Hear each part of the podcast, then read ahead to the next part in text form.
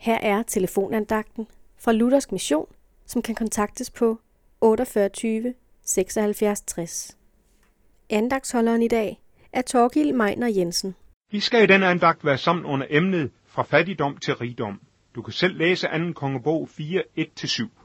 Det er olien, nådens olie, Jesu blod, som du må være optaget af. Jesu blod, som tager bort al gæld. Kvindens situation er fortvivlet. Hun er blevet enke med en stor gæld, og nu vil de tage hendes barn fra hende på grund af faderens gæld.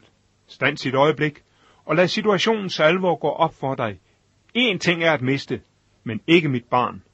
Hvad vil Herren lære os? Jo, at du og jeg har en frygtelig gæld, og at gælden er virkelig. Enken siger jo, det er sådan som det er. Der er en, som kræver fuld betaling.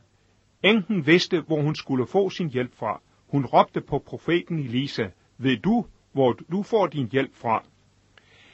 Elisa spurgte enken, hvad kan jeg gøre for dig? Hvad har du i huset? Åh, hvor det sviger i hjertet, når Jesus spørger mig, hvad har du i dit hus, dit hjerte?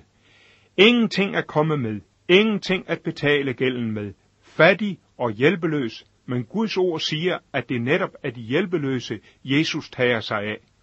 Enken sidder der med sin lille ubetydelige flaske og hælder olie på store dunke. Tåbeligt, siger du måske, men hun sidder der på Guds ord. Så lyder det, der er ikke flere dunke. Sådan er det også i dit og mit liv. Guds velsignelse til os hører aldrig op. Den flyder for Jesus soningsværk.